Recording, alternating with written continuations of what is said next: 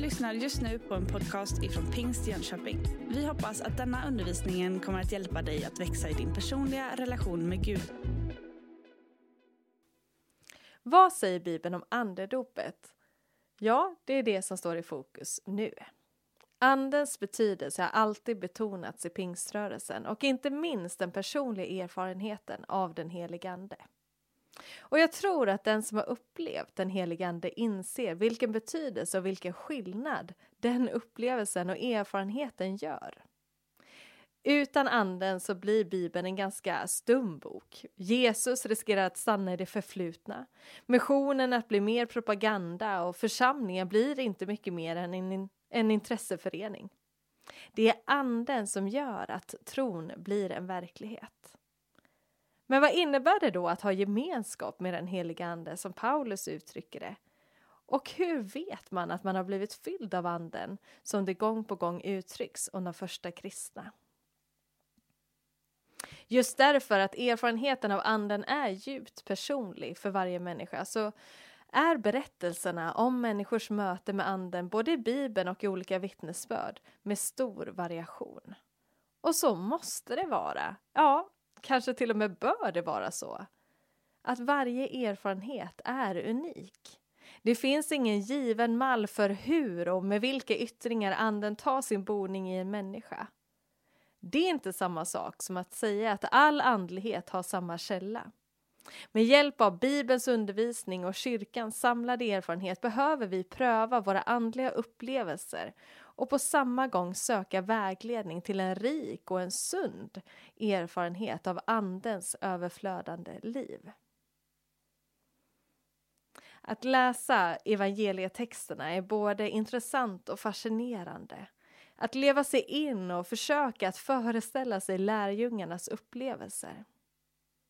När Jesus tillfångatogs och senare korsfästes får vi följa hur lärjungarnas värld rasade samman. I tre år hade de vandrat tillsammans med Jesus sett hans mäktiga under, lyssnat när han fascinerade folkskarorna med sina berättelser och utmanande ord. De hade både sett hans skärpa, men också hans värme och kärlek. De hade även sett sin mästare bli avrättad, anklagad för hädelse mot Gud och för uppror mot kejsaren. Man kan ju ana att de i det där läget undrade om allt de trott och hoppats på hade dött med honom. Men på tredje dagen vände allt igen. Han var inte död. De hade själva mött honom uppstånden och levande. Gud själv hade uppväckt Jesus. Allt som han hade påstått om sig själv hade blivit bekräftat och sakta började hoppet att återvända hos lärjungarna. Men det blev inte på samma sätt som det hade varit förut. Jesus han uppenbarar sig för lärjungarna vid vissa tillfällen efter sin uppståndelse och han uppmanade dem vid ett tillfälle att de skulle stanna i Jerusalem tills de hade fått kraft ifrån höjden, tills de hade fått det som han hade talat till dem om och som han hade lovat. Jesus hade vid flera tillfällen talat om hjälparen som han skulle sända. Hjälparen den helige Ande. Lärjungarna var inga starka och trosvissa hjältar som brann av iver att erövra världen, inte ens efter uppståndelsen. Snarare så var de skrämda och lite tilltufsade och i stort behov av kraft.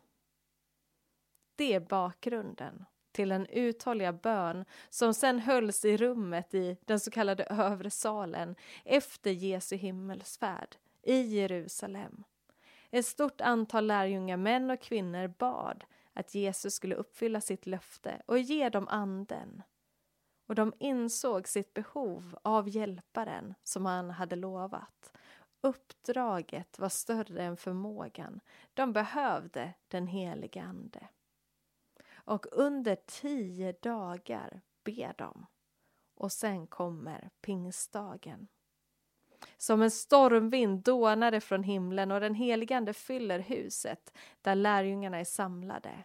Som en eld brinner anden i var och en av bedjarna och de börjar tala nya språk. Och människor från olika håll hör om Guds stora gärning på sitt eget språk. Och uppståndelsen blir stor. Människor samlas och alla undrar snart vad som håller på att hända. Några påstår att lärjungarna har druckit sig berusade. Det är någonting som väcker uppståndelse. Men viktigare än det yttre fenomenet i vad som sker vid pingstdagen är det som sker med bedjarna själva, med lärjungarna. Nu efter att anden fallit låser de inte längre dörren. De gömmer sig inte för folket. Rädslan har bytt plats med frimodigheten. En frimodighet som gör det möjligt att börja fullfölja det uppdrag som Mästaren har gett dem, att förkunna evangeliet för allt skapat. Nu har de blivit beklädda med kraft. Nu har de blivit döpta med helig ande. Nu har Jesus uppfyllt sitt löfte om att vara med dem alla dagar in till tidens slut. Och jag tänker att de första lärjungarna inte var ensamma om att ha det behovet. Kristna i alla tider har insett sitt behov av den helige Ande. Utan Anden så blir liksom tron bara en from lära eller en vacker ideologi, utan vi behöver den helige Ande. Och jag tror att den där erfarenheten av en längtan efter anden har väckts genom historien. Gång på gång så har anden sedan i den längtan mött bedjande människor. På pingstdagen i övre salen den där dagen så är det något nytt och avgörande som hände. Men det är långt ifrån första gången som den helige Ande nämns i Bibeln. Anden är tydligt aktiv redan i skapelsen och beskrivs bland annat som en vind och som den som uppehåller allt liv i skapelsen. Anden framträder också flera gånger i Gamla testamentet. Ofta kan det handla om att anden uppfyller en människa och ger förmåga att kunna leda folket. Anden beskrivs ge vishet, vägledning och mod, men också konstnärlig förmåga och profetisk insikt. Men anden, det är ingenting som människan disponerar eller äger. Anden är Gud själv, närvarande och verksam på jorden. Även om exemplen i Gamla testamentet är många på att Anden uppfyller och verkar i människor så handlar det inte om en allmän uppfyllelse av Guds folket. På grund av syndafallet var människan och Guds gemenskap sönder och det där begränsade Andens närvaro. Men där anden faller över vissa människor så skedde det ofta utifrån ett särskilt uppdrag. Men i flera av profetböckerna så ser vi också att det inte alltid var tänkt att det ska vara på det sättet. Jeremia han säger så här. Nej, detta detta är det förbund jag ska sluta med Israel när tiden är inne, säger Herren. Jag ska lägga min lag i deras bröst och skriva den i deras hjärtan. Jag ska vara deras Gud och de ska vara mitt folk. De ska inte längre behöva undervisa varandra och säga lär känna Herren, ty de kan alla känna mig, från den minste till den störste. Allra klarast kanske Joel formulerade i en profetia om andeutgjutelsen som inte bara gäller några få och inte tar hänsyn till vare sig kön, ålder eller social ställning. Det står så här. Det ska komma en tid då jag utgjuter min ande över alla söner och döttrar, över alla era söner och döttrar som ska profetera och tecken. Era gamla män ska ha drömmar, era unga män se syner. Också över slavar och slavinnor ska jag då utgjuta min ande. Det löftet som återkommer i Gamla testamentet men som då ändå inte ännu har gått i uppfyllelse. Anden blir inte till på pingstdagen utan vi ser honom aktiv genom Bibeln. Och en viktig grund att ha med sig är att den helige Ande är Gud. Han är den tredje personen i treenigheten. Därför så är han evig. Jesus han talar vid flera tillfällen om Anden och vi ser Andens verk i hans liv. Redan när Jesus blev till i Marias moderliv så är det ett verk av den helige Ande. Vid hans dop är Ande verksam och fyller Jesus med kraft. och Johannes döparen beskriver Jesus som han som döper med helig ande. Jesus är den som uppfyller de gammalt, gammaltestamentliga löftena och Andens utgjutelse som ska komma över alla som tror. När Jesus närmade sig sitt avsked så gav han lärjungarna lite sista vägledning före sin död och vid, dem, vid det tillfället så talar han väldigt mycket om den helige Ande. Läs gärna Johannes evangeliet kapitel 14 till 16 om Jesus så kallade avskedstal. Det namn som man huvudsakligen använder för att beskriva anden, det är hjälparen. Och Jesus han förbereder sina lärjungar vid det här tillfället på att han ska lämna dem, men utlovar samtidigt hjälparen i hans ställe. Han menade till och med att det var bättre att han lämnade dem för att göra det möjligt för hjälparen att komma. Själva ordet betyder ordagrant en som kallas in. Och ordet kan förstås utifrån att någon kallas in för att ge hjälp med något som man själv inte klarar av. Det kan exempelvis handla om att föra talan, föra någons talan i en rättegång, men också akut tröst och kraft att stå på benen och klara av livets påfrestningar. Inte minst så användes det här ordet i forngrekiskan om den som ingjuter mod och kraft i soldaterna inför en kommande strid. Jesus han menade också att hjälparen skulle påminna om allt vad han hade sagt.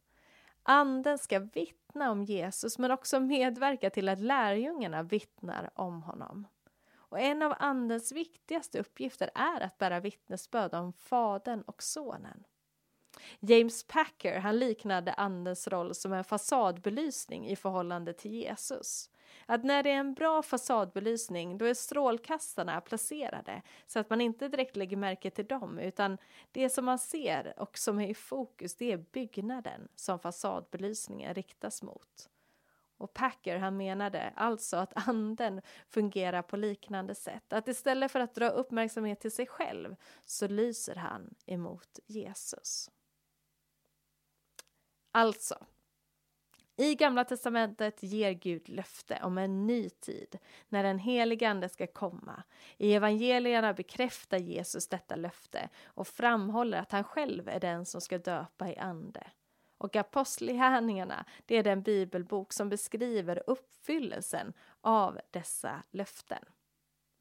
Åter då till övre salen på pingstdagen då detta sker med uppfyllelsen av de här löftena och anden fyller huset där lärjungarna satt. Det som förr endast hade skett med några få, det skedde nu med många. Och texten i Apostlagärningarna betonar detta om att alla var samlade, att anden fyller hela huset och att tungor av eld stannade på var och en. Petrus han hänvisar här till Joels profetia som vi nyss läste, som talar om att anden ska utgjutas över alla människor. Tungotalet, det blir ett tecken och när judiska pilgrimer hör sina egna olika modersmål så avslöjar det också Guds avsikt. Att budskapet om Guds stora gärning, det gäller alla människor och språkgrupper. Löftet gäller hela världen. Pingstdagen inleder en ny fas i frälsningshistorien. En period där anden har kommit för att stanna och utrusta allt Guds folk. Hjälparen har kommit och lärjungarna har genom anden fått mod och kraft att fullfölja missionsbefallningen. Det är ingen tillfällighet att anden faller just på pingstdagen. Pingsten var för judarna en av årets tre stora högtider och den firades till minne av att folket fick motta Guds lag på berget Sinai. Den morgonen när lagen gavs så steg Gud själv ned på berget och hans närvaro följdes av mäktiga manifestationer, blixt och åska, en stark hornstöt och eldsflammor och rök och ett jordskalv som fick hela berget att skälva. Lagen gavs med syfte att hjälpa folket att förstå Guds vilja och att kunna leva i enlighet med den. Parallellerna till det som sker med lärjungarna på pingstdagen är tydliga. Andens utgjutelse åtföljs av liknande manifestationer och löftet om det nya förbundet där profetian om att lagen symboliskt sett liksom blir skriven i människans hjärta uppfylls. Den pingsthögstid som judarna firat under många hundra år får på pingstdagen sin profetiska fullbordan. När vi fortsätter att läsa skildringarna av det som sen händer i Apostlagärningarna sker andefyllelsen gång på gång. Anden utgöts inte bara över de cirka 120 lärjungarna som befann sig i övre salen på pingsten, utan sker gång på gång. Exempelvis kan vi läsa om Filippos som förkunnar evangeliet i Samarien. Många kommer till tro, låter döpa sig i vatten och under och tecken sker. Petrus och Johannes reser dit för att följa upp detta och man bejakar det som sker men upptäcker också att något saknas. De omvända samarierna var födda på nytt men hade inte erfarit Andens kraft. Därför lägger äh, apostlarna sina händer på dem och de får den helige Ande. Det specificeras inte hur man kan konstatera att detta sker, men det är uppenbart att det har skett. Det blir också tydligt när anden är verksam att olika typer av murar rivs. Anden blev tillgänglig för fler än bara det judiska folket. Och ibland sker andedopet innan dopet i vatten och ibland efteråt. Handpåläggningen är återkommande som ett tecken liksom, när det sker i en förbön och handpåläggning, men det behöver inte alltid vara på det viset. Den nya fasen i frälsningshistorien som inleds med pingstdagen är en ny tid där anden inte bara besöker sitt folk utan har kommit för att stanna. Jesus har sänt Hjälparen. Gud är närvarande bland sina barn genom den helige Ande. En verklighet som fortfarande är aktuell. Berättelserna i Apostlagärningarna lär oss att det var angeläget för de första kristna att var och en som kom till tro också skulle få del av Anden. Anden är verksam i omvändelse, men sen finns det också en fördjupad erfarenhet av den heliga Ande som har kallats dopet i Anden. Paulus han skriver en hel del om livet i anden och han förutsätter att varje troende har fått en helig ande. Det är anden som ger oss vissheten om att vi tillhör Gud. Paulus han liknar bland annat anden vid ett sigill. Sigillet var ju märket som sattes på boskap och till och med slavar för att markera vem som var ägaren. Den helige ande är inget yttre märke, men att anden bor i vårt inre är ett tecken på vår tillhörighet hos Gud. I ett annat sammanhang så talar Paulus om att vi innan Kristus kom var slavar under världens makter. Men Jesus har genom sin död friköpt oss från alla makter. Han har befriat oss från varje form av slaveri och gett oss rätten att vara Guds barn. Och tecknet, det är anden. Den helige ande i oss tilltalar Gud med det namn som bara ett barn i huset får använda, nämligen Abba, Fader. Paulus han använder också en bild av en kropp för att beskriva församlingen där anden är med och skapar en ny enhet. Det betyder inte att vi likformas och att alla blir på samma sätt. Tvärtom är det olikheterna i utrustning och gåvor som skapar förutsättningar för enhet. Precis som en kropp har olika delar och funktioner, men ändå är en och samma kropp har Anden utrustat församlingen och dess medlemmar med olika gåvor där vi alla behövs och där de olika gåvorna kompletterar varandra. En av de gåvorna är tungotalet. I pingströrelsen har ibland tungotalet överbetonats på ett sätt som inte har blivit bra. Där andedopet ska bevisas genom att en person också talar i tungor. Ofta är tungotalet ett vanligt tecken tecken. Men vi ser också att det kan ske på olika sätt och att erfarenheten av anden kan vara olika och ske på olika sätt. Det är därför vi också ser i Nya testamentet att det inte finns ett specifikt sätt som personer blir döpta i helig ande, utan att det kan vara olika. Levi Petrus, en av förgrundsgestalterna i svensk pingströrelse, han menade att det tydligaste tecknet på att en person var döpt i helig ande inte var tungotalet, utan att han eller hon var ett vittne. Tungotalet är fantastiskt och det är någonting som bygger upp oss, där vi får tala hemligheter med Gud och be om det vi behöver och som han leder oss till. Men det är inte det enda tecknet på att vara döpt i anden. Det ser vi tydligt på resultatet hos lärjungarna efter pingstdagen, då de med en förnyad frimodighet började vittna om Jesus. Istället för att gömma sig i rädsla trädde man fram med frimodighet inför tusentals människor. Det var genom Andens kraft som lärjungarna blev villiga att möta motstånd och även till och med bli martyrer. Och Anden, han är verksam med samma kraft idag och hjälper oss att övervinna fruktan i olika sammanhang. Andens gåva är inte bara till för den troendes egen uppbyggelse utan det är en kraft som omvandlas till tjänst för församlingen och för evangeliets utbredande. Paulus han uppmuntrar församlingen i Efesos att låt er fyllas av anden. Det finns någonting att ta emot, att Gud vill ge oss av sin helige ande, men där vi också får låta oss uppfyllas av anden. Och jag tror inte att det där alltid behöver vara så extraordinärt, utan det kan vara ganska enkelt. Kanske kan du be tillsammans med någon, att få erfara den helige Ande, eller be ensam. För egen del så bad jag själv i min säng en kväll när jag var ganska liten, kan ha varit tio år gammal. Jag hade en tydlig tro på Jesus och var ganska ambitiös med min tro för att vara så liten. Jag hade hört människor tala i tungomål och jag bad till Gud att det där skulle jag också vilja pröva om jag får. Och jag upplevde att jag fick tre ord och de där använde jag under ganska lång tid och sen fick jag fler och fler ord. Det var inte så dramatiskt, jag berättade inte för någon annan utan det var min egen upplevelse. Och jag har andra tillfällen i mitt liv där jag upplevt att den heliga Ande har kommit nära och berört. Men jag vet egentligen inte om jag ska vara ärlig när jag blev andedöpt. Och egentligen så tror jag inte att det är så viktigt, i alla fall inte för mig, att jag vet exakt när det skedde. Och det gör inte heller att min upplevelse behöver ske på samma sätt för andra. Vissa har väldigt tydliga tillfällen när de blev döpta i den helige Ande.